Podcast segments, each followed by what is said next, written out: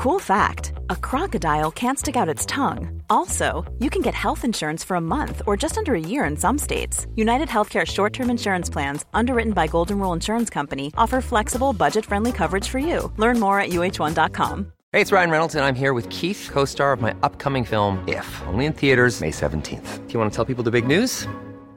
Right, I'll do. Sign up now and you'll get unlimited for $15 a month in six months of Paramount Plus Essential Plan on us. Mintmobile.com slash switch. Upfront payment of $45 equivalent to $15 per month. Unlimited over 40 gigabytes per month. Face lower speeds. Videos at 480p. Active Mint customers by 531.24 get six months of Paramount Plus Essential Plan. Auto renews after six months. Offer ends May 31st, 2024. Separate Paramount Plus registration required. Terms and conditions apply if rated PG. Ni lyssnar på Bagge och Brobacke podcast. I 30 minuter varje vecka kommer vi ge vår syn på marknaden med fokus på pris, makro och sentiment. Välkomna! Då var det dags för avsnitt 41 av Bagge och Brobacke podcast. Idag är det den 2 mars 11.01 när vi trycker på rekknappen. Det händer mycket ute i världen. Eh, såklart eh, otroligt tråkigt att se. Om vi kopplar bort marknaden för två sekunder. Det tror jag alla tycker och eh, alla har väl liksom allt som finns att säga har redan sagt. Så vi kommer fokusera på marknaden i den här podden. Men självklart så lider vi med Ukraina och folket och sympatierna ligger ju såklart där. Hoppas på en en lösning så fort som möjligt helt enkelt. Men eh, det vi gör som professionella investerare det är att försöka fokusera på marknaden. Något som jag gör i dessa tider är att jag helt försöker skära bort nyhetsflödet när det gäller handeln och bara fokusera på pris för att inte bli för inblandad eh, med känslor och så vidare. Eh, men så är det. Vi är en marknadspodd så vi kommer prata marknad idag. Eh, vi har haft en hel del volatilitet. Det är inga nya lägsta eh, när vi tittar på USA. Vi har fått en stor ränterörelse ner där David fick helt rätt. Samtidigt så ser vi lite conflicting rörelser. Vi ser eh, ett olje och energipris som fortsätter att rippa. Vi ser agriculture som fortsätter att handlas mycket, mycket starkt. Eh, även basmetaller och även precious metal som har kommit igång här på slutet. Så det finns mycket att prata om idag och eh, vi gör väl så. David brukar ju alltid ha en fantastisk recap så att jag tänker så här att jag lämnar över till dig David. Eh, välkommen ska jag säga också. Ja, tack så mycket. Det är äh, som sagt fruktansvärt det som händer. Men som alltid så, så um, inte vi experterna på, på det eh, eh, krigsämne och så vidare så att vi, vi fokar på marknaden. Och eh, en recap eh, är ju, ja, som, ni, som, ni, som alla vet, ju, är att det var under natten mot torsdagen, Putin gick vidare, invaderade Ukraina. Det var ju något som alla egentligen hoppades på skulle kunna undvikas in i det sista. Eh, USA var ju ute och varnade eh, två dagar innan där att de hade fått uppgifter på att en invasion skulle kunna ske inom 48 timmar och sen blev det ju tyvärr verklighet. Då. Eh, vi vaknade upp till en torsdag morgon då med stark eh, cross-market eh, volatilitet. Spike upp i dollarn, eh, index som bröt viktiga stödnivåer. Egentligen lite världen över. Eh, USA har återhämtat sig mycket starkt sedan dess då, från, från torsdagens lägsta. Eh, men i Europa så var vi igår på stängning tisdag ner och ham hamnade på de lägsta eh, nivåerna igen då, och nu på morgonen eh, är vi egentligen precis och balanserar på de här nivåerna. Då. Eh, vi ser annars att eh, som, som, som Nils var inne på, långräntor ner kraftigt, framförallt i Europa eh, finns ju en, en, en tro på att eh, den här konjunkturåterhämtningen som man såg framför sig, som alla var allokerade för. Man var long value, man var long banker, man var, eh, man var underexponerad i, i tech och man var short bonds. Eh, den traden har ju blivit helt fel sista eh, veckan. Eh, och jag skulle tro att det är väldigt många fonder, hedgefonder som har det otroligt eh, svettigt eh, senaste dagarna här. Eh, vi börjar redan se nu amerikanska investmentbanker, exempelvis Goldman var ute igår och skruvade ner sina BNP-estimat eh, för Q1 vad gäller USA. Då. Och eh, vi har ju också börjat plocka ner något hur många räntehöjningar som Fed kan tänkas få till i år. Då. Och den här höjningen från ECB som Lagarde var ute och, och tjoa om här i eh, eh, tidigare under, under året här, den kan vi nog skriva av, av eh, helt och hållet. Då. Så det, det är tillväxt och defensiv som har outperformat eh, riktigt bra de senaste dagarna.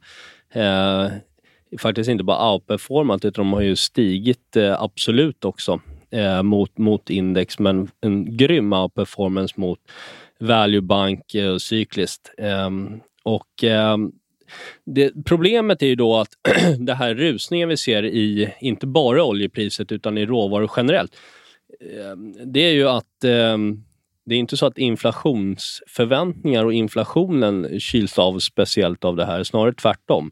Eh, så att Fed sitter ju i en riktig rävsax egentligen här där du har potentiellt då vikande ekonomisk tillväxt och eh, fortsatt väldigt höga inflationsnivåer. Då. Och det är det man brukar kalla för eh, stagflation. Då. Det är en miljö som vi inte haft sedan sen, eh, eh, eh, mitten, början av 70-talet. Då. Um, och då är det ju väldigt svettigt att vara chef för framförallt den amerikanska centralbanken. Höjer du inte räntan, ja då hotar det att inflationen rusar iväg, urholkar köpkraften för konsumenterna ännu mer än vad den gör idag.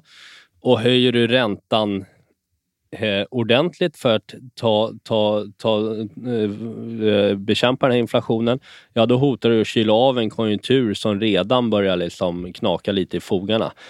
Så att eh, Fed-mötet den 16 mars, eh, förutom då situationen i, i Ukraina, eh, Ryssland. Eh, Fed-mötet 16 mars är ju det som marknaden absolut kommer eh, fokusera på. Då.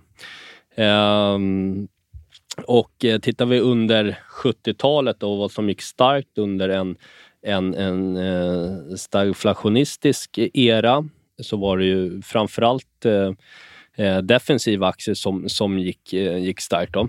Och det är det vi, vi ser här också. Däremot så kan man ju då tänka sig att även tech exempelvis skulle kunna gå starkt, men, men det är svårt att, att härleda hur tech gick på 70-talet. Jag skulle vilja påstå att vi liksom inte hade någon tech eh, att prata om eh, överhuvudtaget eh, då jämfört med vad vi har idag. Då. Eh, så den, den, blir lite, den, den, den historien är fortfarande liksom oskrivet blad. Då. Eh, Tittar vi här då, eh, så jag blev ju som ni vet lite eh, försiktig i mitten av februari. Jag tyckte studsen som borde ha kommit från raset i januari borde ha varit mycket starkare. Vi såg negativa rapportreaktioner. Eh, investerarna sålde rapporter oavsett om de var bra eller dåliga. Man tog tillvara på volymdagar för att eh, sälja helt enkelt. Eh, sen dess är svenska börsen ner 10 eh, sen mitten av februari. Och vi ser ju samma eh, liksom, nedgångar i Europa. Eh, och även om jag liksom har haft ett, eller har ett, ett en, en, tro på, på en, en svag aktieutveckling totalt sett för året och möjligtvis ända in i liksom eh, nästa halvår, alltså 2023 då, H1 2023, eh, så tycker jag att här i krokarna, så, så eh, det var länge sedan ändå som jag var så här bullish för en kraftig studs. Eh, jag tycker att det liksom, sentimentet är starkt negativt. Eh, exempelvis AII indikator med antal bears i marknaden. Eh, 53,7 som tror att eh, procent då, som tror att S&P ska stå lägre om sex månader. Eh, det är högre än vad vi såg i coronabotten för den delen också.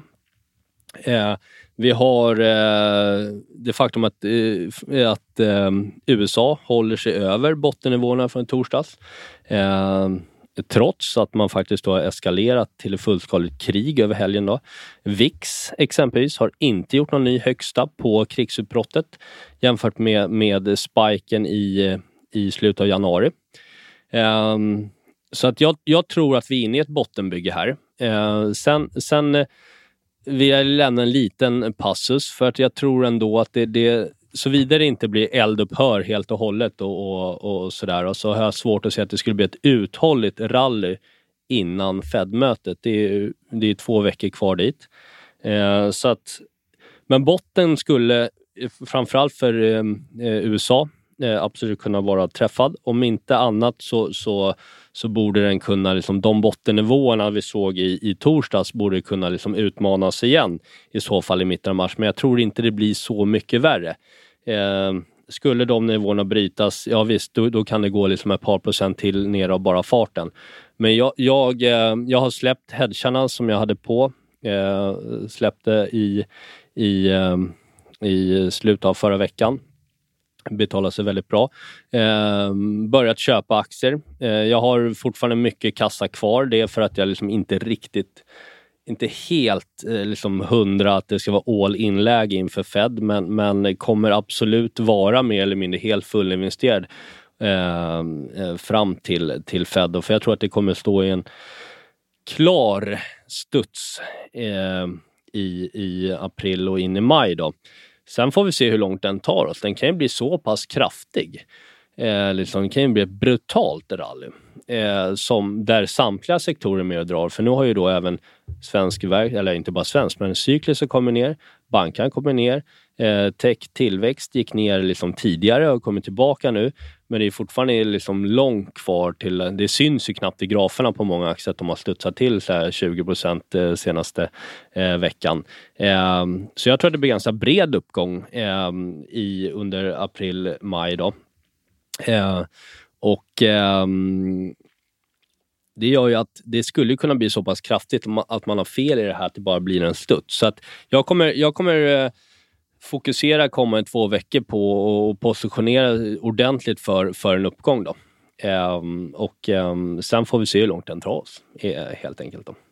Um, vi såg ju liksom uh, ränterörelsen igår, det var ju framförallt i Europa, det var den största ränterörelsen i bunden på tio år. Så att det är många som ligger liksom väldigt snett eh, i den rörelsen. Jag tror, alltså, vi har ju haft så pass markanta nedgångar eh, nu i, i, både amerikanska och i europeiska långräntor. Att jag tror att liksom, det var toppen vi såg där uppe. Eh, och att vi ska lägre under året. Ehm, om man bara tittar vad jag, vad jag, tror på graferna, det är ganska långt upp till de gamla highs här. Då. Ehm, och i så fall kommer ju typ banker och så få det fortsatt tufft under, under året sen då. Men, men eh, och i så fall blir då en, ett, ett bankrally då i, i, under senare delen av våren och skulle kunna vara ett läge att dra ner eh, vikten i bank. Då. Men, men, men ehm, det låter jag vara osagt eh, än så länge. då.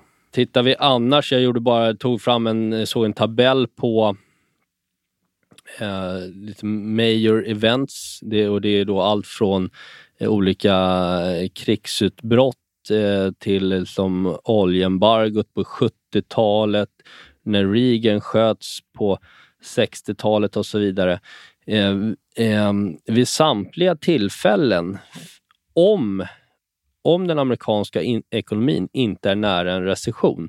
Och det, det är ju väldigt få som tror att vi faktiskt står inför en recession, även om det här nu konflikten, kriget vi har, skulle kunna eh, skapa en recession. Men, men om det nu inte blir så, så har ju egentligen börserna, om man tittar på S&P stått högre 12 månader efter eh, ett sånt här major event. Då. Vid i stort sett alla tillfällen eh, så länge vi inte har varit nära en recession. Då. Eh, tittar vi på yieldkurvor och så, så, så har ju de fortsatt eh, flacka av, men det är inte så att eh, eh två tioåringen är ju inte nere på nollan. Vi har 40 punkter ner dit, har kommit ner ordentligt, men det signalerar just här och nu inte att USA går in i en, i en recession då kommande år. Sen kan den bilden alltid ändras. Eh, men, men eh, det är så det, då, så det ser ut nu då. Yes, om vi ska komma in lite på förändringar. För jag har faktiskt varit aktivare eh, nu under de här veckorna eh, än vad jag i princip någonsin har varit sedan jag drog igång eh, Brobacke Global Allokering, min förvaltning. Då. Eh, och eh, från att egentligen, jag har ju fortfarande stor råvaruvikt. Eh, eh, och det vet ni som har lyssnat tidigare, det är ju brett både energi och basmetaller och, och, och agriculturals och så vidare. Eh, men jag tyckte från att ha bäsat tech sen vi drog igång den här podden så, så tyckte jag att det fanns väldigt, väldigt mycket lägen här i förra veckan så jag, jag stod eh, rätt rejält på köp, eh, köpknappen där faktiskt på techsidan. Eh, solenergi, några breda tech-ETF och så vidare. Eh, och, och, hittills har det börjat bra, en bra studs. Jag eh, skrev om det på Twitter, jag behandlar det som en mini version trade men jag vet inte var det slutar. Eh, det skulle kunna utvecklas till en större. Eh, och eh, det är väl sådär. Eh, jag var ju liksom plus på året här redan innan och hade en stor kassa, nästan 50 procent. och då är det klart att då är det lättare att vara aggressiv i, i, den här typen av, i den här typen av marknad. Ehm, sen är jag samtidigt ganska, jag kommer fortsätta att vara väldigt, väldigt eh, agil och försöka vara dynamisk. För jag tror att det här är en marknad där vi har svårt att göra för långa prediktioner. Eh, ett drömscenario skulle ju vara att, att det var botten vi såg här. Och det finns, om vi bortser från allt, allt nyhetsflöde, så kan vi titta på saker som positionering och, och, och de bitarna och även till viss del sentiment vad det gäller kvalitativa. Vi har, vi har liksom klassiska eh, superhåsare som, som blev rejält negativa här i förra veckan. Och, Eh, om vi då får en vändning i pris i det och vi ser framförallt det mest utbombade. Solenergi nämnde jag, det jag köpt men även ARK och de här grejerna som har varit otroligt pressade under lång tid. Som har rekylerat ordentligt. Eh, så det finns förutsättningar för en, eh, en stark eh, liksom, aktiemarknad. Samtidigt så man blir ju rejält sugen på att släppa de här råvarubetsen, framförallt kanske på energi och oljesidan som har gått så otroligt starkt. Samtidigt funkar det som en, en väldigt bra hedge om det här skulle fortsätta. Då, så att eh, Eh, tweetade lite om det här idag, man kan kika in där. Men det är väl 120 i crude som jag tycker är den stora nivån att foka på. Eh, XLE eh, har också ett par dollar till på uppsidan.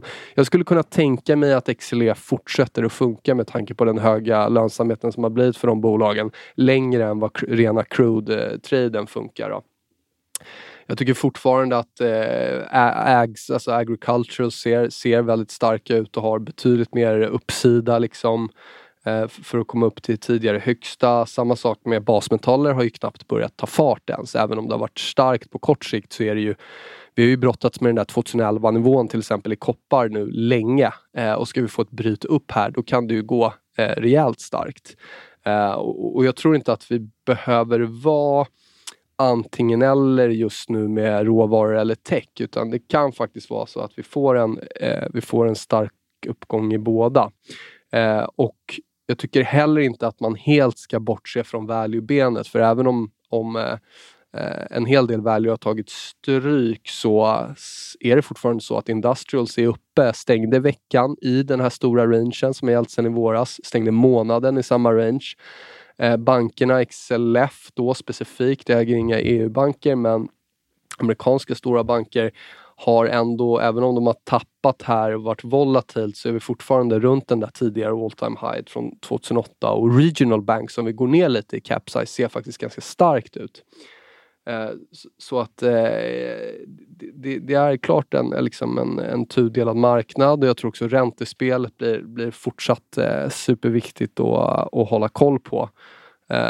Men, men för att avsluta den här uppdateringen gällande mina innehav så har jag inte varit så här mycket allokerad sedan jag drog igång som sagt. Och det finns lägen att vara defensiv och det finns lägen att vara offensiv. och Jag tyckte förra veckan var ett läge att vara offensiv. Vi får se hur länge det håller i men so far so good. Ja, men det är fantastiskt att, att, att, höra att du har kommit um, in på, på techsidan. Det, det tycker jag är eh, riktigt, uh, riktigt glädjande och jag tror att det är helt, eh, helt rätt.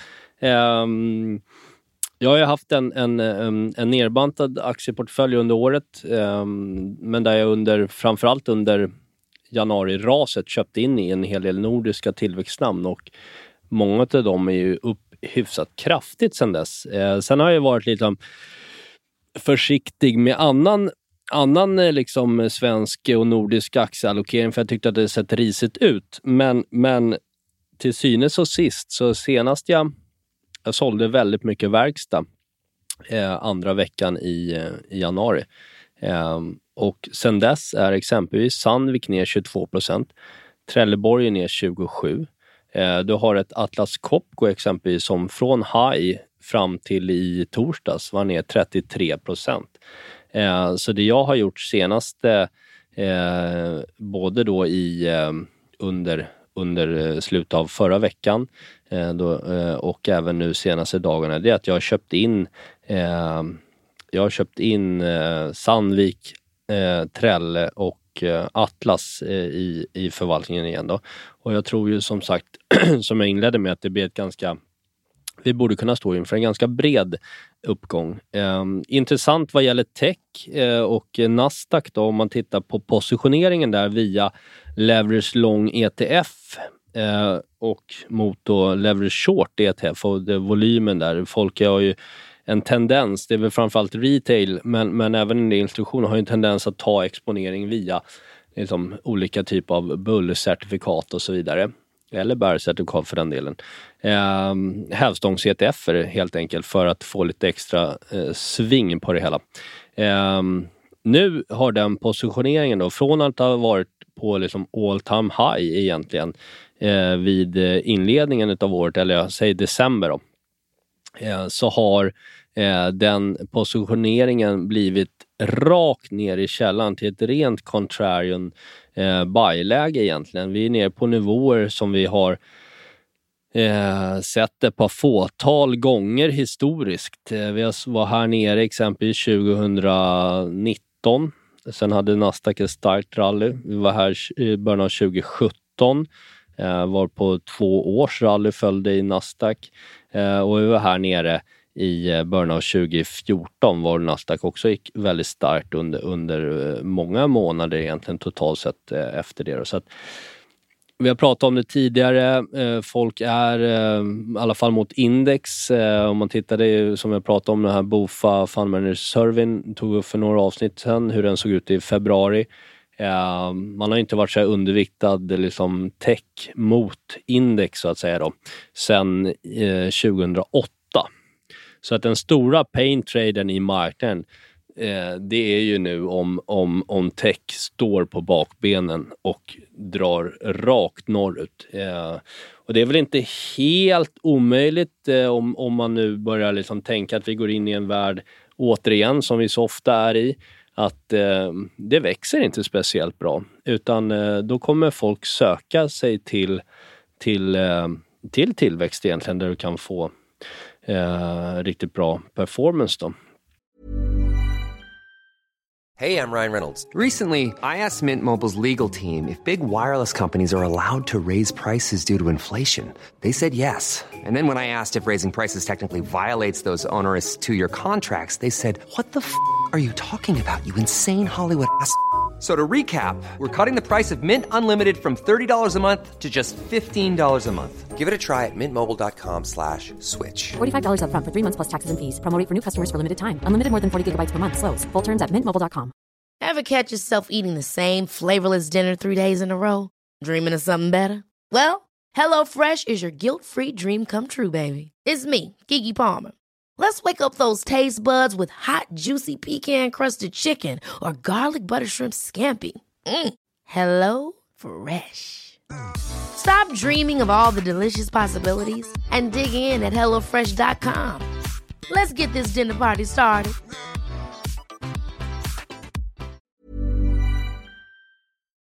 Jag eh, tänkte nämna eh, om index Eh, generellt då köpare på nivån. Eh, däremot som jag sa, kassa kvar eh, skulle kunna bli en avslutande sell-off eh, vid eh, Fed, kring Fed. Där vi även den stora Q1 eh, quadruple witching i den 18 mars, då, tredje fredagen i mars.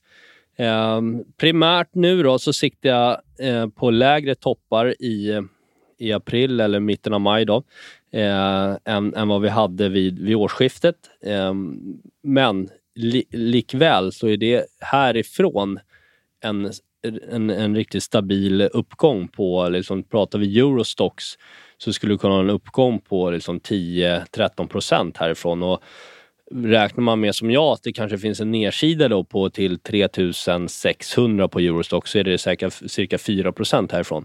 Så att beroende på vad man har för perspektiv så blir risk-rewarden fortfarande om man, har, om man sitter och äger aktier alla är ju eh, väldigt långsiktiga, men folk tenderar ju att bli väldigt kortsiktiga när det stökat till lång, det här man hade tänkt äga på fem år, som har droppat så 70 på, på ett halvår, känns inte lika kul och så säljer man ut det.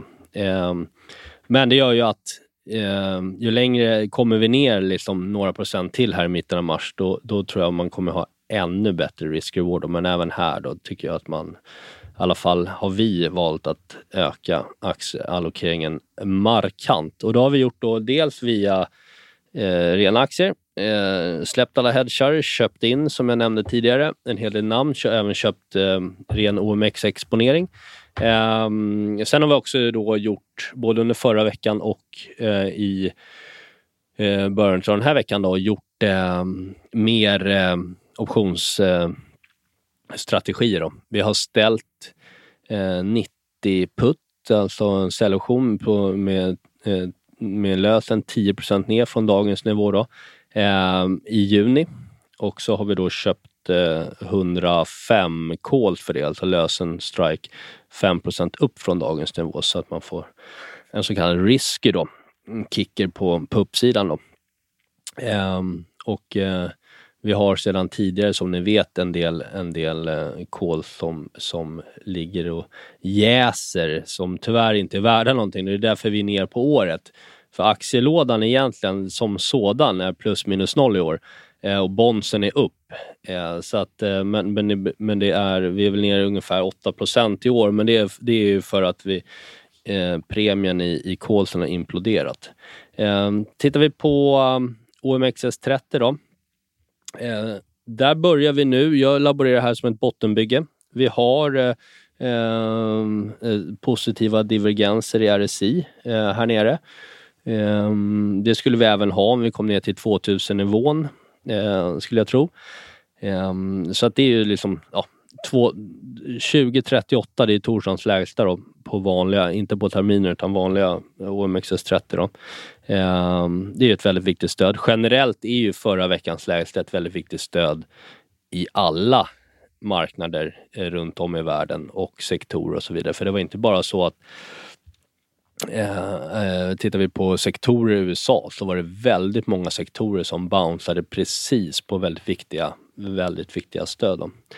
Um, men om man tittar på vad man, worst case då, 2000 nivån då, eller absolut worst case 1900. Jag tror inte vi kommer ner till 1900 men det är klart, dra, drar eh, galningen i Ryssland av en nuke eh, så kommer det ju liksom bli Eh, några blodiga veckor på börserna, så är det ju.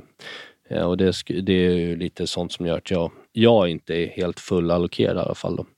Eh, men Best case då, då skulle vi kunna få uppgångar upp till februaritoppen. Det är ju en, en riktigt stark uppgång. Då pratar vi 23,20 härifrån. Det är en 13-15 procent från dagens nivå och det tror jag Ja, det är, är den bästa av världar. Jag skulle bli fantastiskt om, om det blev så.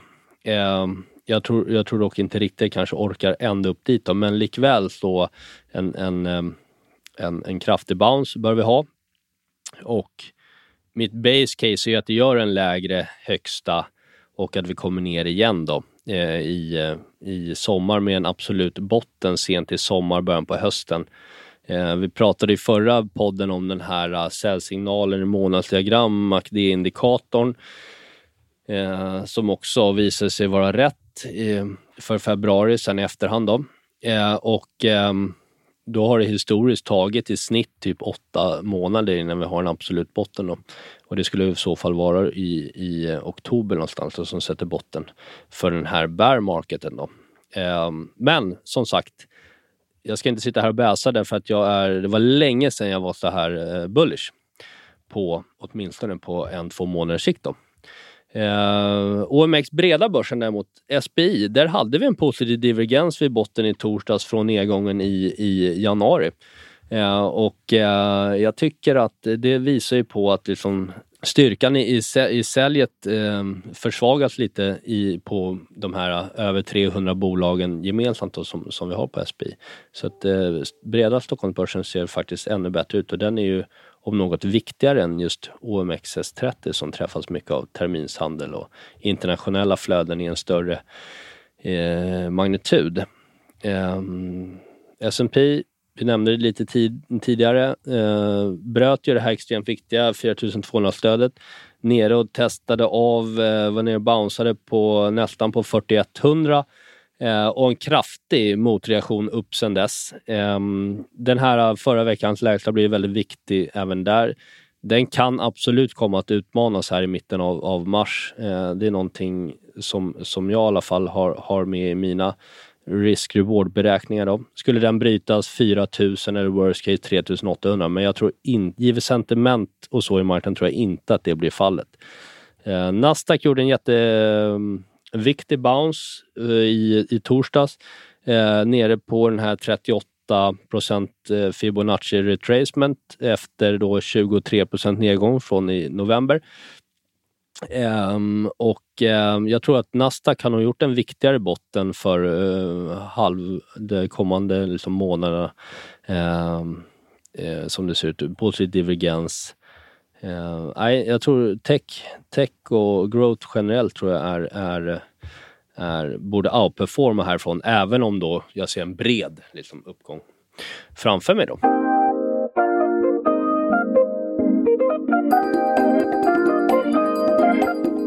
to be the best like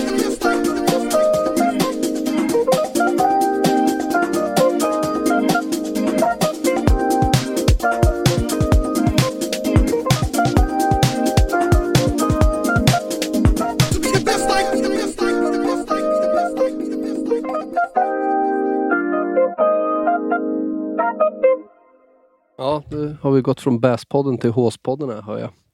Skämt åsido. Nej men eh, jag, jag, står ju faktiskt absolut på samma sida just nu. De, om jag ska lyfta fram någonting som jag ser som risker, det är väl om vi skulle få ett större bryt upp i dollarn här. Om dollarn hittar rejäl styrka, den tror jag är farlig.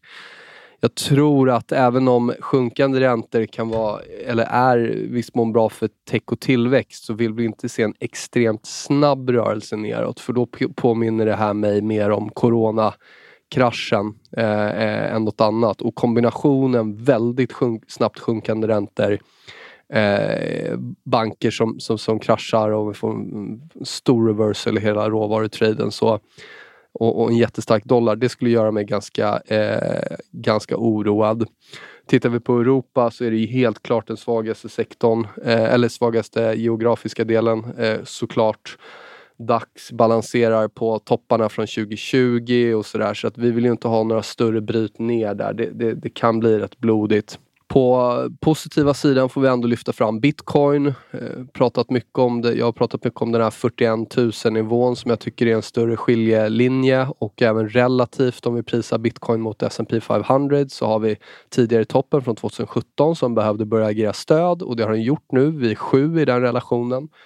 Och, och, allt annat lika oavsett varför de köper upp bitcoin där ute och krypto. Så eh, att krypto och bitcoin stiger, inte risk off för mig, risk on. Eh, det har varit en bra signal innan eh, och eh, jag, jag, tycker det är väldigt positivt att se för riskklimatet. Jo, det var en till dag som jag tycker är viktig då som jag inte vill se ska bryta ner. Jag gillar ju att prisa saker relativt. och då specifikt så postar jag ofta om SPY mot TLT, alltså S&P 500 mot 20-åriga bonds. Varför är det viktigt? Jo, för det visar flöden från aktiemarknaden in i räntemarknaden eller vice versa. Och den relationen har på två veckor gått från att eh, försöka bryta upp mot nya högsta till att komma ner till de tidigare stöden. Så det finns en väldigt, väldigt definierad eh, liksom, eh, linje i sanden att kika på där. Och jag vill inte att den bryts. Då. Eh, det betyder inte att inte räntor kan gå ner men vi vill inte se kraftigt eh, fortsatta sjunkande räntor och att aktier säljer av samtidigt som det. Så det är en sån här grej som jag kommer fortsätta och eh, hålla koll på helt enkelt. Annars känner jag väl, jag har väl inte så mycket mer idag. Vi hade det, att det är lite uppdelat beror på att vi, hade, vi sitter själva idag utan vår producent. Så vi sitter och skickar en mick fram och tillbaka. Då, så att det, det är därför det blir lite bipolärt idag. Då. Men så är det. Så att eh, jag tackar för att ni lyssnar. Eh, ja, eh, ja, nu ska vi se. Dav, Dave har lite mer så jag skickar över. Baggen kommer här. Långt ifrån klar höll jag på att säga. Nej, men Um, något jag tycker är väldigt intressant med sentimentet då, förutom att det generellt är negativt eh, sentiment eh, med typ Fear Greed Index på 18 och AI Bears uppe på nästan 53,7 och sådär. så, så ser vi om man kollar under hu huven lite. Då. Jag har ju pratat om bredden i marknaden eh, Eh, tidigare under året. Och det, vi har haft en väldigt svag bredd, eller det har vi fortfarande. Men det är intressant om man tittar då på Nyse Composite, det är ju 2400 aktier. Väldigt brett index. Och då tittar man på andelen aktier som handlar under sitt 200 dagars eh, glidande medelvärde som då ofta definierar den långa trenden i aktier, eh, så kan vi se att det är betydligt färre, eller betydligt, men det är färre aktier som handlar under sitt 200 dagars glidande medelvärde i, eh, på det här raset nu i, i förra veckan då, än vad det var vid raset vid botten i, eh, i januari Eh, och eh, då har vi alltså en positiv divergens där, där, där bredden i marknaden börjat förbättras. Och det är inte så ofta vi ser det faktiskt vad gäller Nyse. Eh, vi hade det under eh, oktober. Vi hade ju en botten i september, vi hade en botten i oktober. De bottnarna i index var ungefär på Nyse, ungefär på samma nivå. Men vi hade en tydligt förbättrad bredd mellan de två eh, bottnarna varpå Nyse sen gick eh, eh, starkt eh, efter det. Förlåt, jag ska säga att det är ju inte faktiskt eh, 2021 utan nu tittar på 2020. Eh, men där hade vi en positiv gräns och innan dess var det egentligen vid coronabotten eh, där, där, vi, där aktierna började visa eh, under huven så att säga, började visa styrka i bredden innan vi fick den absoluta vändningen i index. Då. Eh, så att det är en, till den positiva pusselbiten. Sen ska vi inte glömma bort Fed mot S&P heller. Därför att även om Fed har signalerat att man vill banta balansräkningen under året, låt se hur det går med den eh, saken eh, till att börja med. Eh, men de har ju signalerat att man vill banta ner den här ganska rejält ner, ner mot 6-6,5 triljarder dollar mot, från dagens nästan 9. Eh, det har man ju dock inte liksom inlett än. Däremot så har ju marknaden tagit fasta på det här väldigt tydligt med eh, vid Fed-protokollet 4 januari och började sälja av kraftigt. Eh, och sen ja, efter det har ju ryssen kommit, så det har ju varit en kraftig liksom eh, kraftig, många, många faktorer som har påverkat börsen negativt de första två månaderna här på året. Eh, men faktum är att Feds balansräkning printar ju nya all time highs. De fortsätter ju köpa, de har inte dragit av på takten än. Medan då S&P är ner 10 year to date. Eh, så det high-gapet som uppstått eh, däremellan är ju ganska markant. Eh, Sen får vi som sagt se om de lyckas banta sin balansräkning under året, men just nu har vi ett markant eh, high gap däremellan. Då. Um, och um, jag tycker liksom det mesta känns som att det, det, det, det jag, jag, räknar med att det kommer en studs. Sen får vi se hur högt den studsen tar oss. Men jag, jag, börjar med att spela studsen så får vi ta det längre fram. Det bästa kanske är att inte vara vid datorn överhuvudtaget under april för risken är att man säljer bort sig för tidigt. Ehm, jag tänkte avsluta med lite indexförändringar. Ehm, det är väldigt preliminära eh, siffror idag. Uh, ehm, det är då Stockholm Benchmark Index, alltså SPX. och så har vi då också CSX som är då Carnegie Small Cap Index. Um, börjar vi med Stockholm Benchmark Index då så ser det ut som att Volvo Cars kommer inkluderas. Adnode kommer inkluderas. New Wave inkluderas. Eh, Medan då Troax A exkluderas. Fingerprint exkluderas. CTEC och Mekonomen exkluderas då. Eh, och eh, Data cut-off för de här är då i slutet av april. Då. Så det är early days, eh, men bra att, eh, att känna till. då. Eh, för det är ju så att bolag som inkluderas jämfört om man bygger en korg av de som inkluderas och de som exkluderas så brukar de liksom börja trenda eh, ganska långt innan. Då. åt varsitt håll. Då. Eh, tittar vi på Carnegie Small Cap Index eh, och då är eh, data cut-off i slutet av maj, så det här pratar vi, det är långa ledtider. Eh, men just som det ser ut nu då så har Boliden växt för stor. Eh, aktien printar uppe på eh, all time high-nivåer. Eh, så de ser ut som att Boliden ser ut som de kommer få, eh, få lämna. Eh, och även, eh, även Sobi. Samtidigt som då exempelvis eh, Kinnevik eh, ser ut som de kommer komma in. Eh, och eh, även Indutrade. Eh, tittar på eh, SBB. Eh, vi tittar på Sinch och Castellum. Då.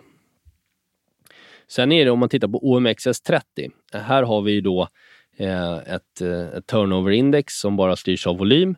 Eh, och det är ju, eh, den ombalanseras ju i, vid varje halvårsskifte. Och då var ju tanken förra gången vid jul, det var ju att EQT skulle komma in för den var extremt omsatt under hösten.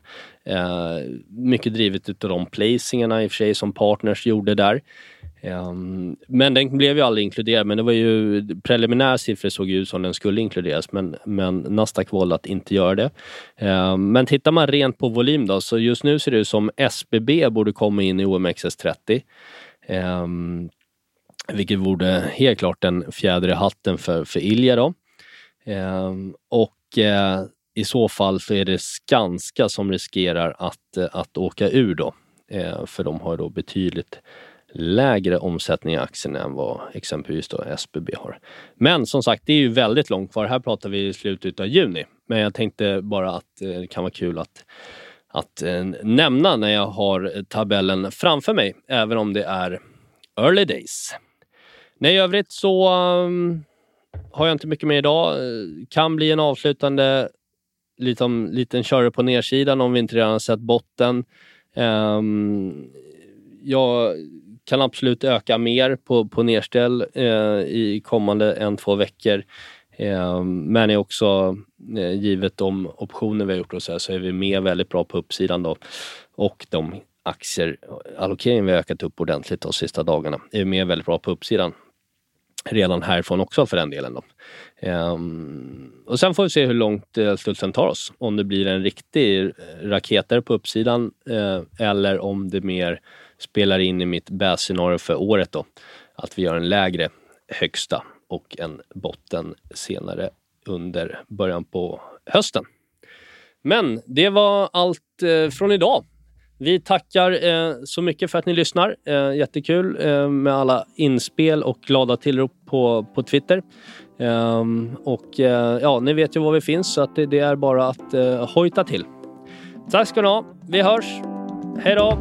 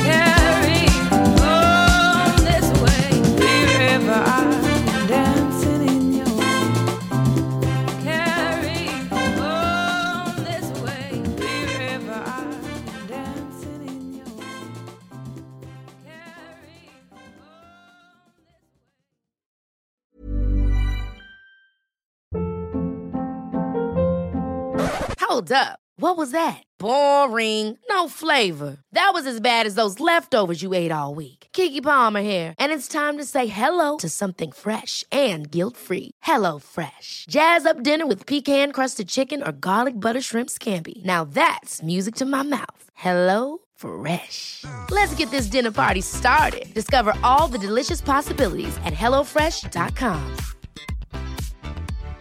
Hi, I'm Daniel, founder of Pretty Litter. Cats and cat owners deserve better than any old fashioned litter. That's why I teamed up with scientists and veterinarians to create Pretty Litter. Its innovative crystal formula has superior odor control and weighs up to 80% less than clay litter. Pretty Litter even monitors health by changing colors to help detect early signs of potential illness. It's the world's smartest kitty litter. Go to prettylitter.com and use code ACAST for 20% off your first order and a free cat toy. Terms and conditions apply. See site for details.